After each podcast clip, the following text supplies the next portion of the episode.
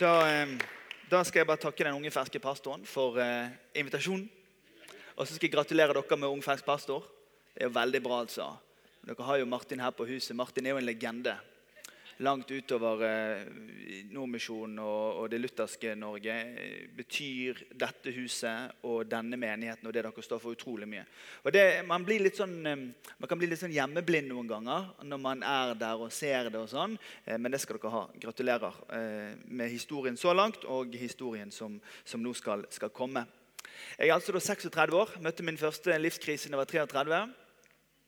Det var en eh, tøff tid. Han hadde akkurat plantet menighet. og Jeg sa til min datter nå er pappa like gammel som Jesus var når han døde. Så mørkt var det. Så sa han pappa det gjør ingenting, han sto opp igjen. Så, så hun, eh, hun, er fortsatt min store trøst og hjelper i livet. Så har jeg en, en niåring. Han, eh, han, er super. Han, han, er, han er litt mer sånn emerging church. på en måte. Han er han er veldig glad i Jesus, men ikke så mye organisert religion. Så han syns det er litt drøyt at han har vært i kirken hver dag siden jeg var født, sier han. Jeg har regnet ut at jeg har en fjerdedel mindre ferie enn alle mine venner, for vi er kristen. Det er han. Og så har jeg han eh, på seks, som, eh, som da er vår siste. Og, eh, og, vi stopper der med han. Min kone hun jobber til dag i, i, som leder i et konsulentselskap i byen i Bergen. Eh, og så får vi dette på en eller annen underlig måte til allikevel. Det å drive en menighet, det at eh, vi, vi, står på med dette med familien Vi har en visjon for en menighet, og det at vi skal ikke være en virksomhetsforsamling. Så vi, vi prøver ikke å være så veldig travel. Vi prøver å gjøre to gode ting. Vi prøver å gjøre gudstjenestene våre gode ta tilbake søndagen som gudstjenestedag. Og så kjører vi life-grupper i hjemmene.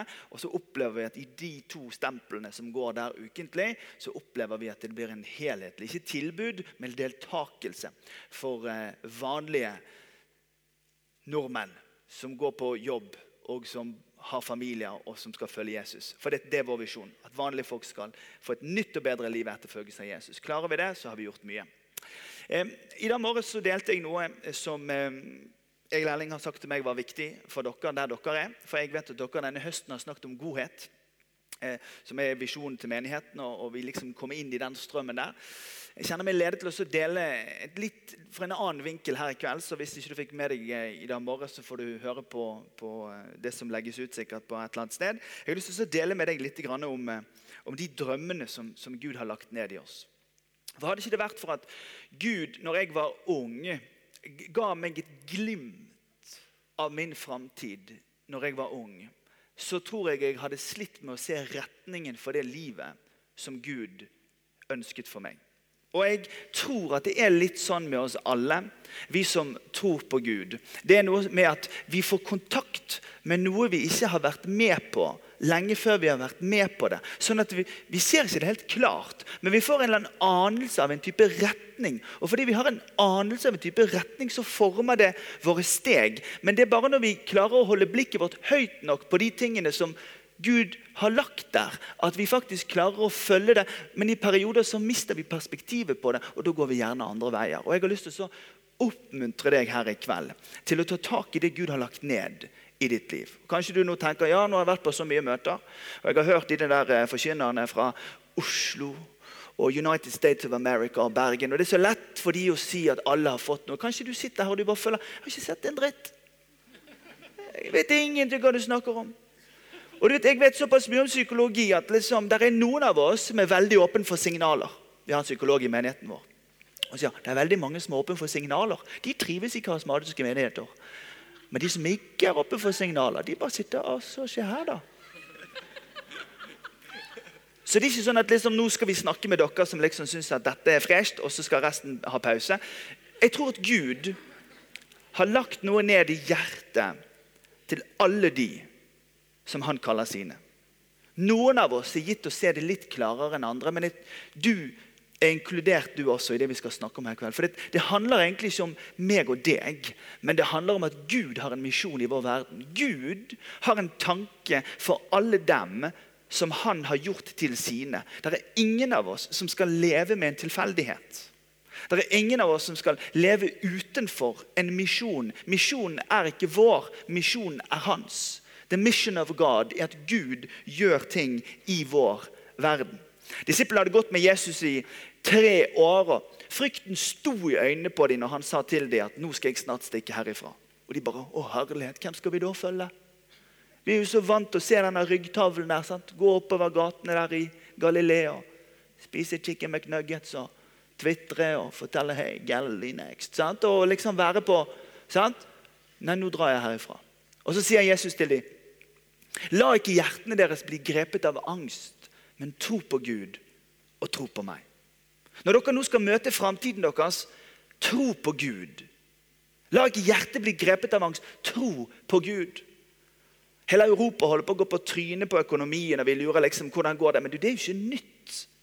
Det er jo liksom med jevne sykluser så kommer det sånne dommedagsprofetier gjennom både Dagsav, eh, Dagsavisen og Dagens Næringsliv og på CNN og på Rikskringkastingen. Men det går an å møte fremtiden sin med angst for den eller med tro til den. Og jeg tror at alle dem som følger Gud, og hans vei i livet, har muligheten til å møte sin fremtid med tro. Tro handler om at det usynlige der i fremtiden vår, det er ikke farlig.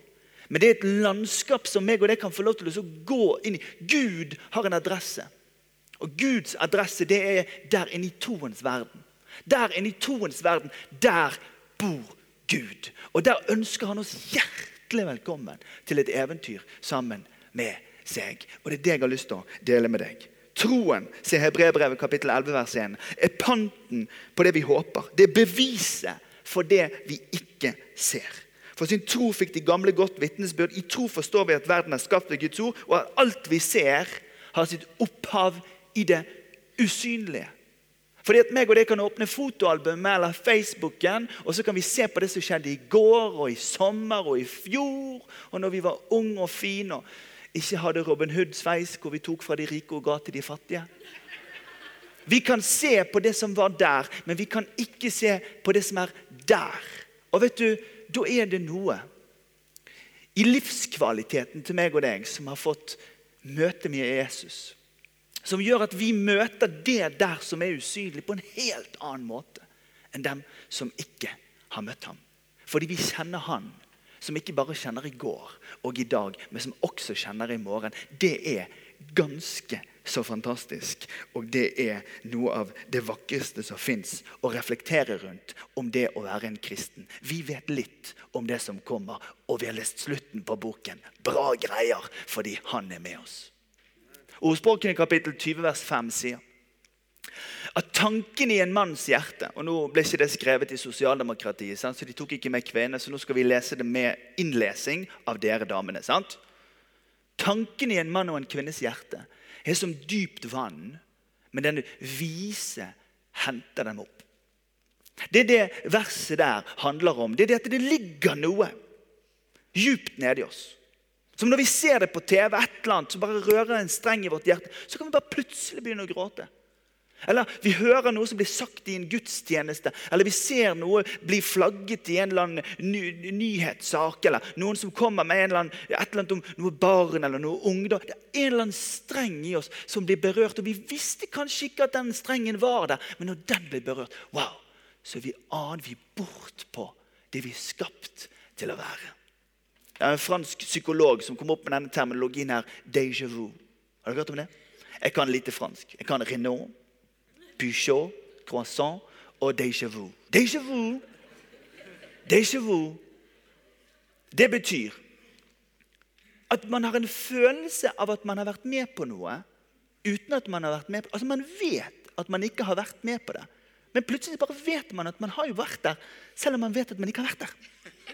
Altså, Det er liksom teorien. Er det noen som har opplevd det? Déjà vu. Er det noen som har opplevd Renault? Ja, det er noen som har opplevd Renault også. Det gjorde jeg også på 80-tallet. Jeg sa det til meg, faen, nå må du skjerpe deg.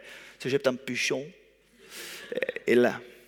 Men hør. Déjà vu handler om at vi har en opplevelse av at dette Dette har jeg vært med på før. Og Nå skal ikke vi holde på med noe sånn der spooky, mystisk greier her. Skal vi forstå hvordan drømmer fungerer, så må vi forstå hvordan Gud fungerer. Gud fungerer slik. Jeg er i går og i dag og til evig tid den samme. Altså Gud, han har vært der, her og der. Så han kan ta en tur inn der, han. Og så kan han løfte opp en tanke herfra. Og så kan han gå ned her, liksom. På Bogafjell. I rekkehuset. Sant? Når du sitter og drikker te. Grønne te. Og slipper en tanke i hjertet på deg. Skjønner du? Det blir sterkere på jærsk. Det, det, blir, det, blir, det Altså Før var det svensk, men nå er det jærsk. Det er ting som Det forløser. Det for... Du, hør. Så kan Gud slippe ned noe i oss. Så når jeg snakker om drømmer i kveld, så er det ikke sånn senmoderne digge deg og liksom realisere deg og få deg på plass. Men i Guds tanke for sin misjon i vår verden, så gjør Gud nettopp dette. Han reiser inn der, og så tar han tak i en, misjons, en misjonsvirkelighet. I Kasiba i Kongo. Tidlig på 1900-tallet så slipper han det ned i en dame her hjemme. og Så reiser hun dit, og så er det 400 000 mennesker i dag som et resultat av at det kom en drøm. Gud jobber sånn. Og jeg vil så gjerne bare oppvigle deg. Jeg vil så gjerne riste litt i déjà vuen din. Jeg vil så gjerne få litt tak inn i din lidenskap og så se om vi om noen minutter kan komme dit hen at du ser at det er ikke fordi du og jeg skal bli interessante, men det er fordi at han skal bli stor. Det er det han inviterer oss til. Blir du med meg til første Mosebok kapittel 37? Og Det kommer ikke på veggen av HMS-hensyn. Han som fikk skriften på veggen, døde den kvelden, og vi prøver å begrense mengden vi bruker skrift på veggen. Bare for å være innenfor. Første Mosebok, kapittel 37, og vi leser. Da Josef var 17 år, gjette han småfe sammen med brødrene sine. Ung som han var, fulgte han med sønnene til Bila Silpa, farens kone. Alt det onde han hørte om dem, gikk han til faren med. Israel var mer glad i Josef enn i alle andre sønnene sine, fordi han hadde fått ham på sine gamle dager. Han laget en si skjortel med lange ermer til ham, men da brødrene så at faren holdt mer av ham enn av de andre sønnene sine, la de ham for hat, og de kunne ikke si et vennlig ord til ham. En gang hadde Josef en drøm som han fortalte til brødrene sine. Og de begynte å hate ham enda mer. Ha. De begynte å hate ham enda mer. Josef hadde en drøm. Mine sønner eh, altså Vi er jo et kristent hjem hjemme hos oss. Eh, men det hender at det ligger en og annen elleveårsgrense i huset og en syvårsgrense. og sånn. Prøver å sette grensen der. Og, og, Han yngste vår han fikk ikke lov til å se 'Løvenes konge' alene. For det er midt i 'Løvenes konge'. Nå vet jeg dette er en litt eldre film, men 'Løvenes konge', selv om Disney har tegnet opp denne, er litt skummel i midten. Fordi at denne onkelen Det kan godt være du har en sånn onkel. Skar. Sant? Vi visste at han skulle se det alene, men, men hans sønnen vår han klarte å snike seg ned og si 'Jeg vet hvordan filmen slutter'. sa han. 'Jeg vet hvordan filmen slutter'. Ja, Du har ikke sett den, vel? Nei. Men det han hadde gjort, var at han hadde gått inn i dette episodevalget på filmen. Scene selection på DVD-en. Og så hadde han sett på stillbildene. Gjennom det skumle, og at Simba sto der til slutt og vant. Han hadde sett filmen uten å se filmen. Og det er det Gud noen ganger gjør.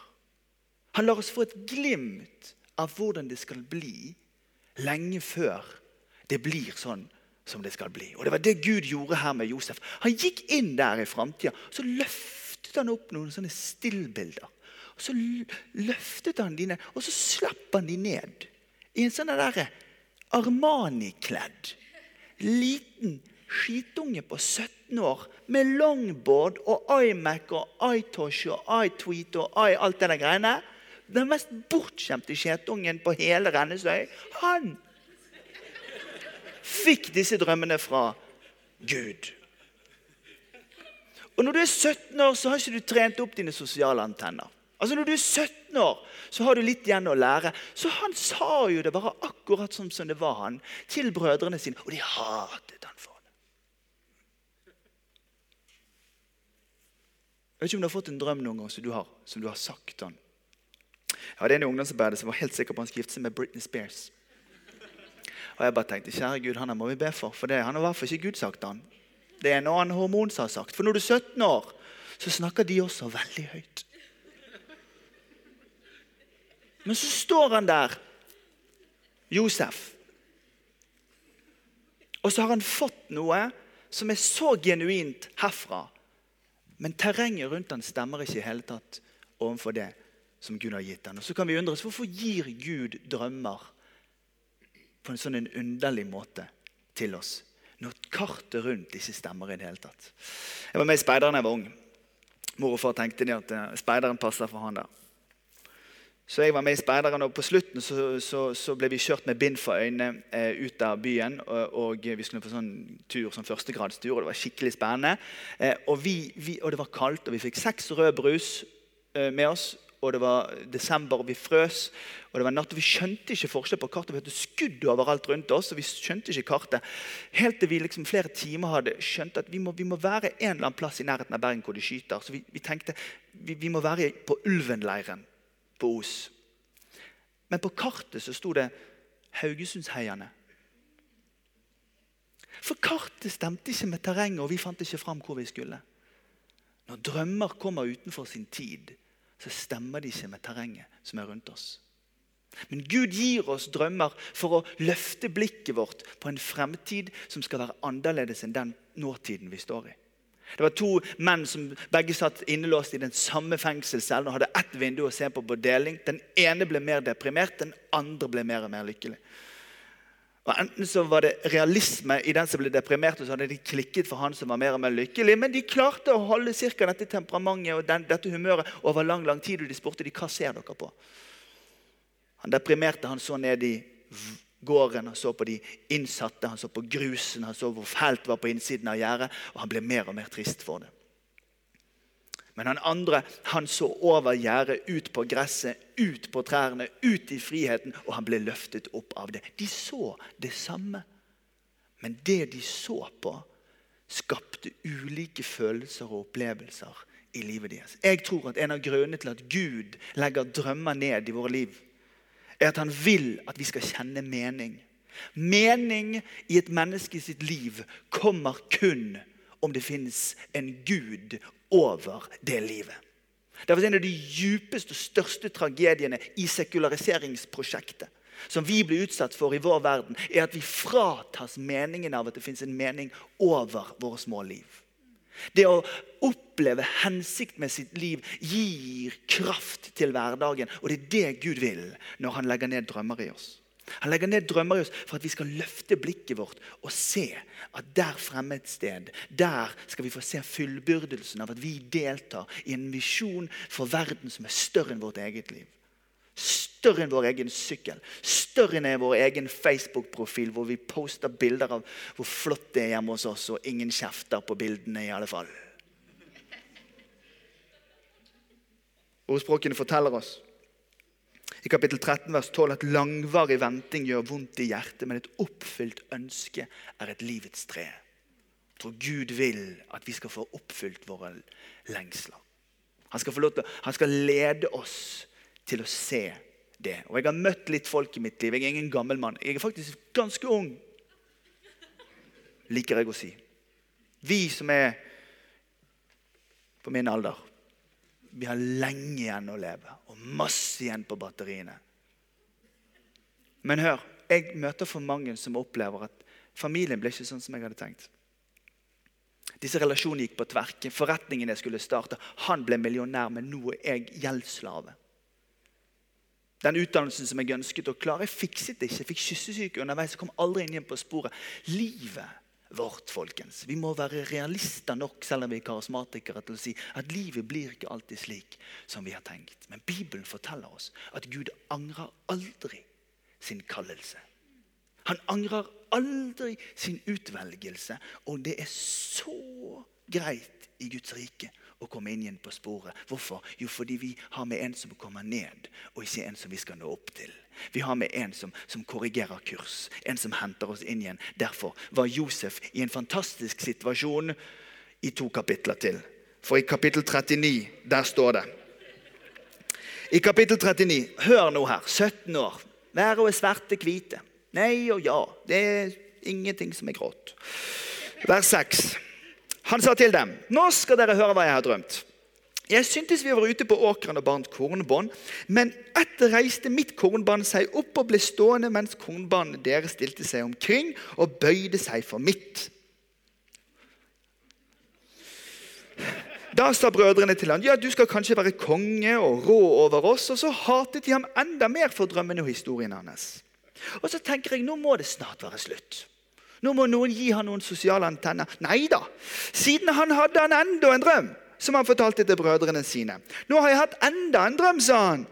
Solen og månen Kosmiske dimensjoner. Solen og månen og elleve stjerner bøyde seg for, for meg. Da han fortalte det til faren, og brødrene kjente faren på han og sa, 'Hva er det nå du har drømt?' Skal virkelig jeg og din mor og dine brødre komme og bøye oss til jorden for deg? Brødrene ble misunnelige på han, men faren bevarte dette i sitt minne. Kanskje faren luktet at altså han, det, han, er jo en fin gutt. Og vi har jo ikke noe diagnose på han ennå. Og jeg har jo hørt at folk før har hørt stemmer inn i hodet sitt også. Så det kan jo være det er noe i det. Så selv om han ble litt irritert, så bevarte han det sitt. Men brødrene hatet han enda mer for det. Fordi det Josef snakker om, det er noe som, som er herfra. Som er løftet opp herfra og sluppet ned i et terreng som ikke stemmer. Og det er derfor det blir reaksjoner. Det var et brev som kom frem til en adresse i England her for en tid tilbake. 100 år for seint. Og vi klager på posten hjemme, tenker jeg. Men 100 år tok det for det brevet å komme frem. Og det er klart at verken avsenderen eller mottakeren eller innholdet var noe særlig relevant. For det var levert uten Jeg håper de som ler veldig mye nå, ikke sendte det brev. Nei, det, det kan ikke stemme. Eller, eller, eller, har gjort dette selv. Altså, det, det, er noe med Dere er med. Det er noe med at når det, når det, treffer utenfor sin tid, så blir det reaksjoner. Og vet, Jeg er jo vokst opp i, i en pinsemenighet i Norge. Og det er, på, det, det, er på langt nær sånn som dere tror i pinsemenigheter. Det er mye verre. Ja? Og jeg har sett veldig mye. Men en av de tingene vi snakket veldig mye om, det var, det var reaksjonen mot, mot, at Reinhard Bunke eh, eh hadde sånne stadionmøter rundt omkring i Afrika. Fordi at eh, Den menigheten som jeg står i, vi, vi, har jobbet med Afrika og liksom en landsby og en folkegruppe. og Skikkelig bra arbeid. Men, men så kommer Reinhard Bonke og snakker bloodwashed Afrika. Sant? Det er ikke sikkert alle her har sett han. Hvis ikke dere har sett han, dere unge, Han er fantastisk. Han er tysker, han får jobben gjort. Men altså, han er så voldsom. Skjønner du? Og drømmen hans er at hele Afrika sant? Og vi samlet inn penger for denne landsbyen, denne språkgruppen, og, og liksom la de få en hytte. liksom. Han bare Ich bin du bist. Ikke sant? Og fordi det er forskjell på størrelsen på visjonene, så skaper det reaksjoner. Altså Reaksjonene kommer fordi drømmen er så mye større enn drømmen til den andre drømmen. Ingen av drømmene er feil, men store drømmer vekker reaksjoner. Det var en tulling som ledet et IT-selskap på 70-tallet. Jeg mener det var lederen for IBM. Han sa i begynnelsen at det globale markedet for datamaskiner er 25 stykk. Og så kommer liksom en sånn der eh, kisi fra Seattle ikke sant? som heter Bill Gates. Så tjukke briller. sant? Og så sier han bare vi skal putte en datamaskin i hvert hjem på planeten. Det er klart det blir reaksjoner! For det er forskjell på visjonene. Men det er noe med at når Gud har en plan, så virker det av og til litt crazy. Så Derfor så kan 12 år gamle gutter og 13 år gamle jenter og 7 år gamle gutter og 9 år gamle jenter og 25 år gamle revisorer. Selv om det vil være et mirakel. Men de også kan oppleve at plutselig så bare fødes det noe her inne som er så crazy at man tenker enten har de klikket for dem, eller så rett og slett har de sett noe som det er plass til Gud i. Og du vet hva det Josef hadde fått på innsiden? Det var noe som var så svært at det var plass til Gud i det. Og når det er plass til Gud i det, ja, da vekker det reaksjoner. Jeg er så heldig at jeg får være med og lede styret på en, sånn, en høyskole. Vi satt med en veldig respektert professor i dette landet. Og Da sa en av mine kolleger at vi skal, vi skal forandre verden. sa han. Og Da sa den veldig intelligente, kloke mannen som jeg har stort respekt for, unntatt akkurat den uttalelsen, hvor han sa jeg blir redd jeg, når dere sier at dere skal forandre verden. Men drømmen om å forandre verden vekker reaksjoner også i vår tid. Og I mitt og ditt liv, der vi lever i en helt vanlig hverdag og liksom Vi har julekalender og julelys, og vi til og med noen av oss hekler. liksom. Altså Vi gjør sånne vanlige ting at vi knytter tau sammen og kaller det kunst. Vi, vi gjør alle disse vanlige tingene. Men så gjør vi det når vi, når vi har noe på innsiden her som rett og slett bare vil og må fram. Og Josef han bar det i seg, og de hatet han for det. Så det de gjorde, det var det at de bare bestemte seg for at dette gidder ikke vi mer. Så vi bare tar broren vår og later som han er død. Så bestemte de seg for ikke ta livet av ham. Da vi griste til klærne hans og så ut som om det hadde skjedd noe der. Tok det hjem til far, solgte han til eh, Egypt. Og der gikk Josef bundet opp til Egypt. Og der ble han solgt som slave. Han hadde fantastiske drømmer. Og den Armani-dressen og det freshe longboardet og var favoritten til faren. Nå var han på vei ut av den drømmen som Gud hadde lagt ned i hans liv. Og vet du, Det er historien om sånne som oss. At det som vi trodde skulle bli et sånt et liv Det er en katolsk teolog som heter Georgodini, som sier det at en eller annen plass mellom 28 og 32 et sted. Nå var han veldig spesifikk, så du kan runde av litt. Mellom 25 og 35 så krasjer idealismen vår i realismen. Og den brutaliteten av at jeg som har gått på DTS og skal ut og forandre verden, at jeg faktisk må stå opp og gå ned på kommunehuset og jobbe. Uten å be for folk. Det kan bli en stor kamp for folk. Og at selv om man er superhelliggjort og liksom misjonal, så får man e-faktura i nettbanken, sånn som andre verdslige folk gjør. Så krasjer idealismen med realismen, og den brytningen den oppstår i mange av våre liv. Og vet du, det er for mange som slipper drømmen sin i møte med det. Og Jeg vet ikke hva som foregikk inn hodet på, på Josef, men, men, men, Josef opplevde jo også en brytning i livet sitt. Først så lå det an til at det skulle bli ganske så hyggelig. For det var jo Potifar som kjøpte han. Pen ung mann, sant? 17 år. Potifar. Kjøper tenker at du kan bli PA-en min. tenkte han. Du kan bo hjemme hos oss og støvsuge, ordne til maten og skifte lyspærer og ordne ting. Men problemet var at Potifar han var på reise. Og Potimor hun hadde noen behov.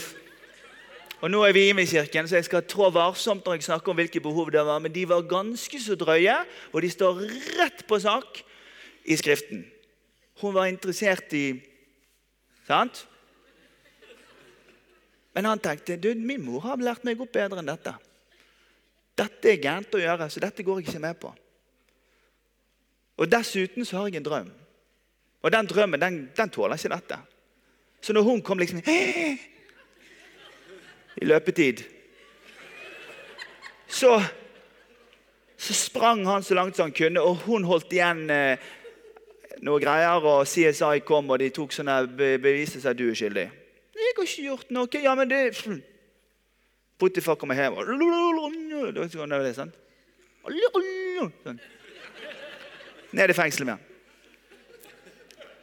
For det, det, det, som skjer noen ganger, det er det at når, når vi har sånne ungdomsmøter og sånn, og ungdomsgrupper. og liksom sånn, så, så, lærer vi folk opp med Josef-historien. Liksom, ja, ja, vi må løpe her fra fristelsene, dere.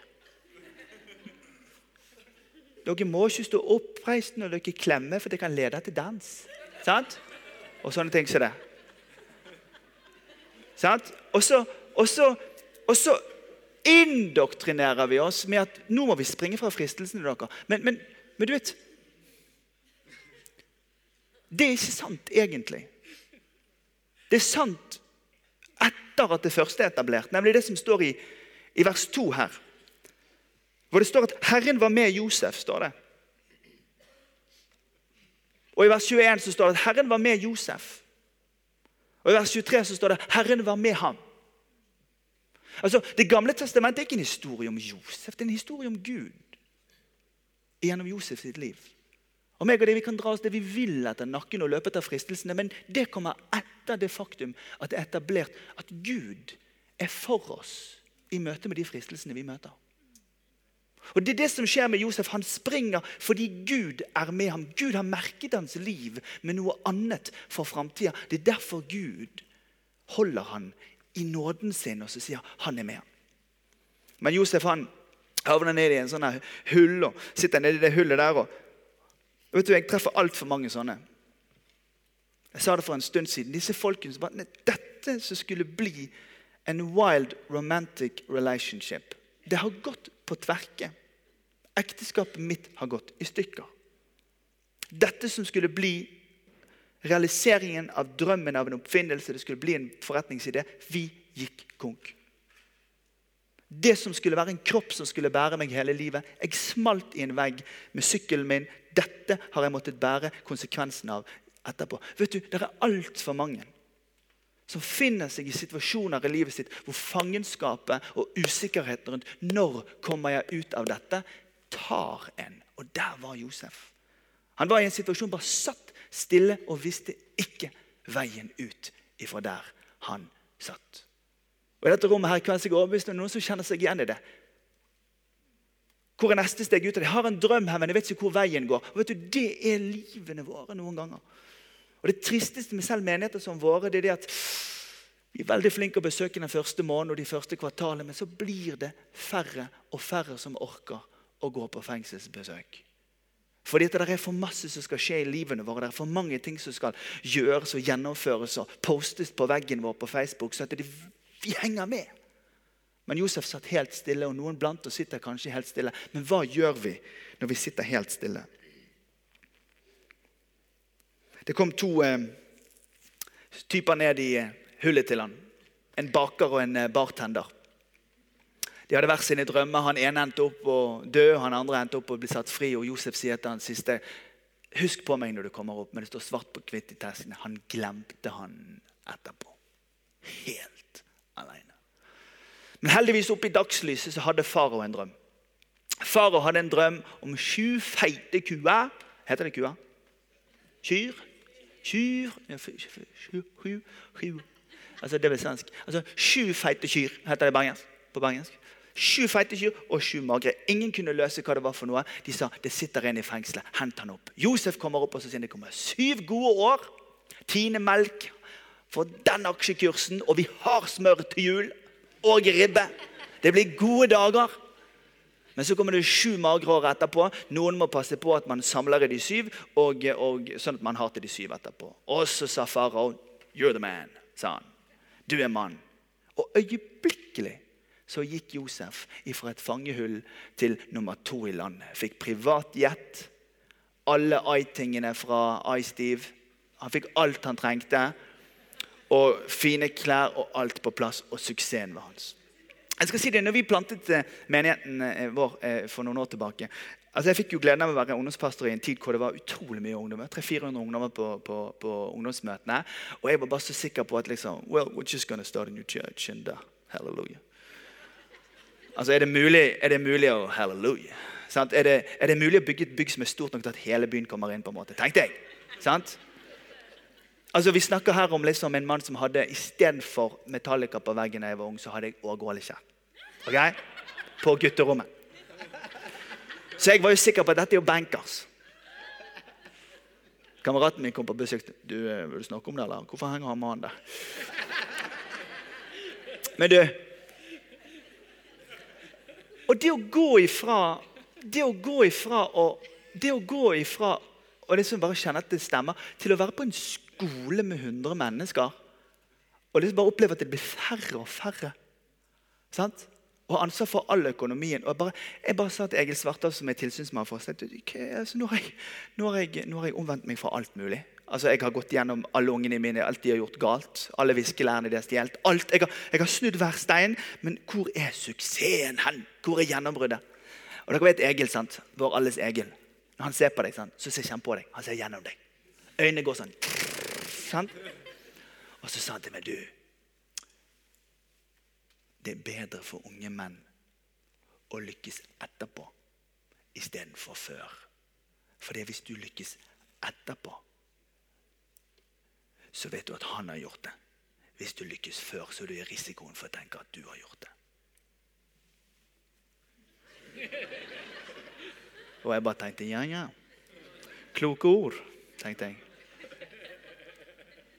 For Når Josef plutselig sitter der i liksom en sånn iJet og fyker gjennom landet og er liksom på plass i livet, så var det ikke én ting som gjorde at det var han som hadde fått muligheten til å komme dit. Det var Gud som hadde forfremmet ham. Hvorfor? Jo, fordi Gud har en misjon i verden. Gud forfremmer dem han vil. Gud får det til å klikke på plass når han vil. En dag så er det en gjeng med hebreere foran ham. Han, eh, han eh, kjenner igjen de, de kjenner ikke igjen han. Og jeg har tenkt, hvorfor kjente ikke de han igjen? Så googlet jeg liksom Egypter og så at de var jo sminket opp som bare julingen. Så det er ikke rart de ikke kjente han igjen. Så Josef sto der liksom med, med, maling på, og de satt der og sånn. Så lager han i gang litt av et sånt spill med disse. vi kommer ikke inn på alt det nå, Men, men, men, men jeg tror at, at, den forkastelsen som Josef må ha følt fra de som skulle elske han og beskytte han, den forkastelsen må han ha båret med seg i livet. Altså Her sitter jeg i Egypt i et hull etter at mine brødre som skulle beskytte meg, gjorde dette mot meg. Og vet du, Det er jo dette som er noe av det tristeste med oss mennesker. Det er det at vi har altså, den relasjonelle, den, Denne relasjonelle sårbarheten som, som er et grunnvilkår for det å være menneske, det rammer oss på det djupeste. Så noen spiser seg opp for å bli sett, noen tar vekk alt, alt sammen for å bli sett. Noen poster et eller annet bilde av seg sjøl for å bli sett. Noen gjør ting de ikke burde gjort for å bli sett. Noen markerer seg negativt for å bli sett. Det er noe med oss som gjør Kan noen vennligst bekrefte meg? Og Det vondeste og verste av alt det er jo når de som skulle være det for oss, ikke er det for oss. Og Det kan være det var dette Josef slåss med. Når han så disse brødrene Det må ha våkt opp noe her inne. og kan godt være han ikke visste helt hva han skulle gjøre. Han kjente på forkastelsen, men allikevel så kom det til et punkt. Og I kapittel 45 i første Mosebok så står det i vers 1 En dag etter han hadde trikset og mikset og prøvd å ordne og styre Vi kommer ikke inn på det her, Du kan lese det i påsken hvis ikke du har noe annet å lese. Eller det er god, Dette på den tiden var jo liksom sant? De skriver jo litt mer dramaturgisk nå for tiden, men det er god lesning. jeg synes du burde lese det. Da orket ikke Josef lenger å legge bånd på seg for alle den som sto omkring. Og han ropte, 'Alle de andre, gå ut fra meg.' Så var det ingen andre til stede da Josef lot brødrene få vite hvem han var. Og han satt i og gråte så høyt at egypterne hørte det. Ja, de hørte det til og med til faraos hus. Så sa han til brødrene sine, 'Jeg er Josef.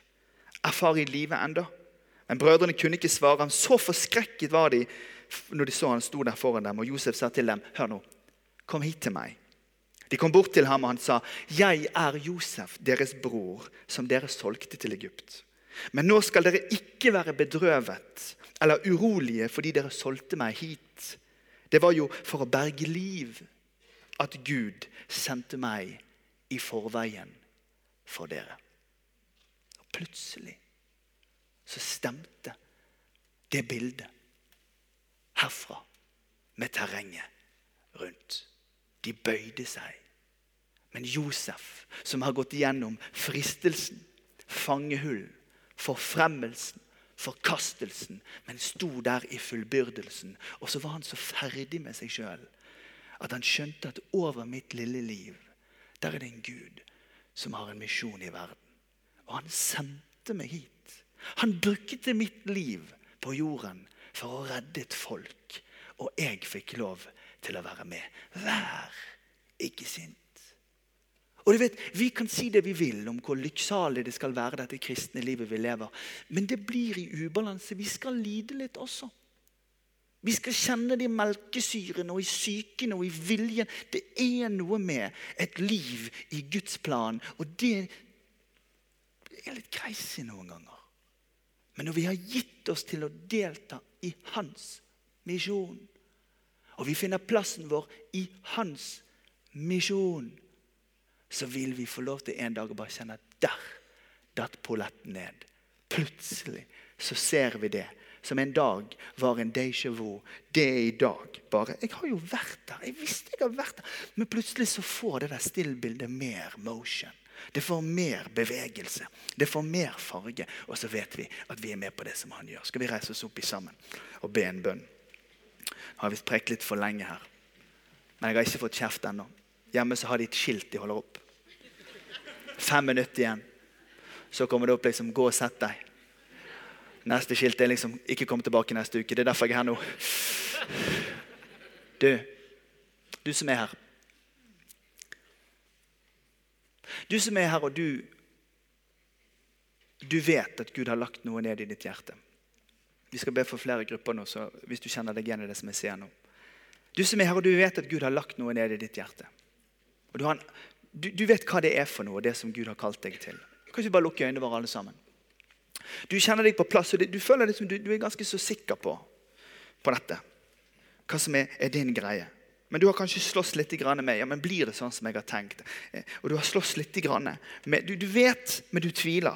Du vet, men du brytes. Hvis det er deg, bare så er det jeg som ser noe, dette mellom deg og Gud. Kanskje du bare rekker opp hånden, skal bare be om at Gud skal legge en troens gave over ditt liv. Og du skal få lov til å se klare. Se hender overalt. Det er kjempeflott. Kjære Gud, jeg ber deg nå for de som rekker sine hender opp til deg. Herre, som har et bilde i magen, Herre, som du har gitt dem for det liv de skal leve. Herre, jeg ber Herre om at du gir tydeligere bilder. Klarere og tydeligere. Bare gjør det tydeligere og klarere akkurat nå. I Jesu Kristi navn. Jeg ber om at du utløser en troens gave over deres liv. Så at de kan bare se enda klarere det som ligger i det usynlige, og tørre å gå i den retningen. I Jesu Kristi navn. I Jesu navn. Kan dere ta ned hendene deres? Skal jeg spørre dere? Du har en innstilling i ditt liv. Herre, jeg vil så gjerne se din plan for mitt liv. Og Jeg begynte med å si at det, noen av oss rent naturlig sett er mer åpne enn andre. Det er helt greit. Nå snakker vi bare om lengsel. Hvis det er din lengsel, Herre, gjør meg til en sånn som finner min plass i din misjon i verden. Så at jeg kan stå på et tidspunkt og si som Josef det var Gud som gjorde dette for å redde folk. Fordi at han har en misjon i verden. Hvis det er din lengsel, bare rekk din hånd opp til Jesus der du står. Skal jeg be for deg om at Gud skal gi deg det ditt hjerte lengter etter. Herre Jesus, jeg ber for hver enkelt, Herre, som akkurat nå rekker sine hender opp til deg i villighet til å delta i din misjon i verden, Herre. I Jesu Kristi av Nasarets navn, Herre. Så ber jeg om at du gir bilder og pasjon og tydelighet til dem i navnet Jesus Kristus. Hellige Ånd, du som er her for å veilede oss og rettlede oss til den hele og fulle sannheten og være en lykt for foten vår med ditt ord. Herre, du gjør det som bare du kan gjøre for de som rekker sine hender opp til deg nå. I Jesu Kristi navn. I Jesu navn. Amen. Og Så vil jeg be for deg.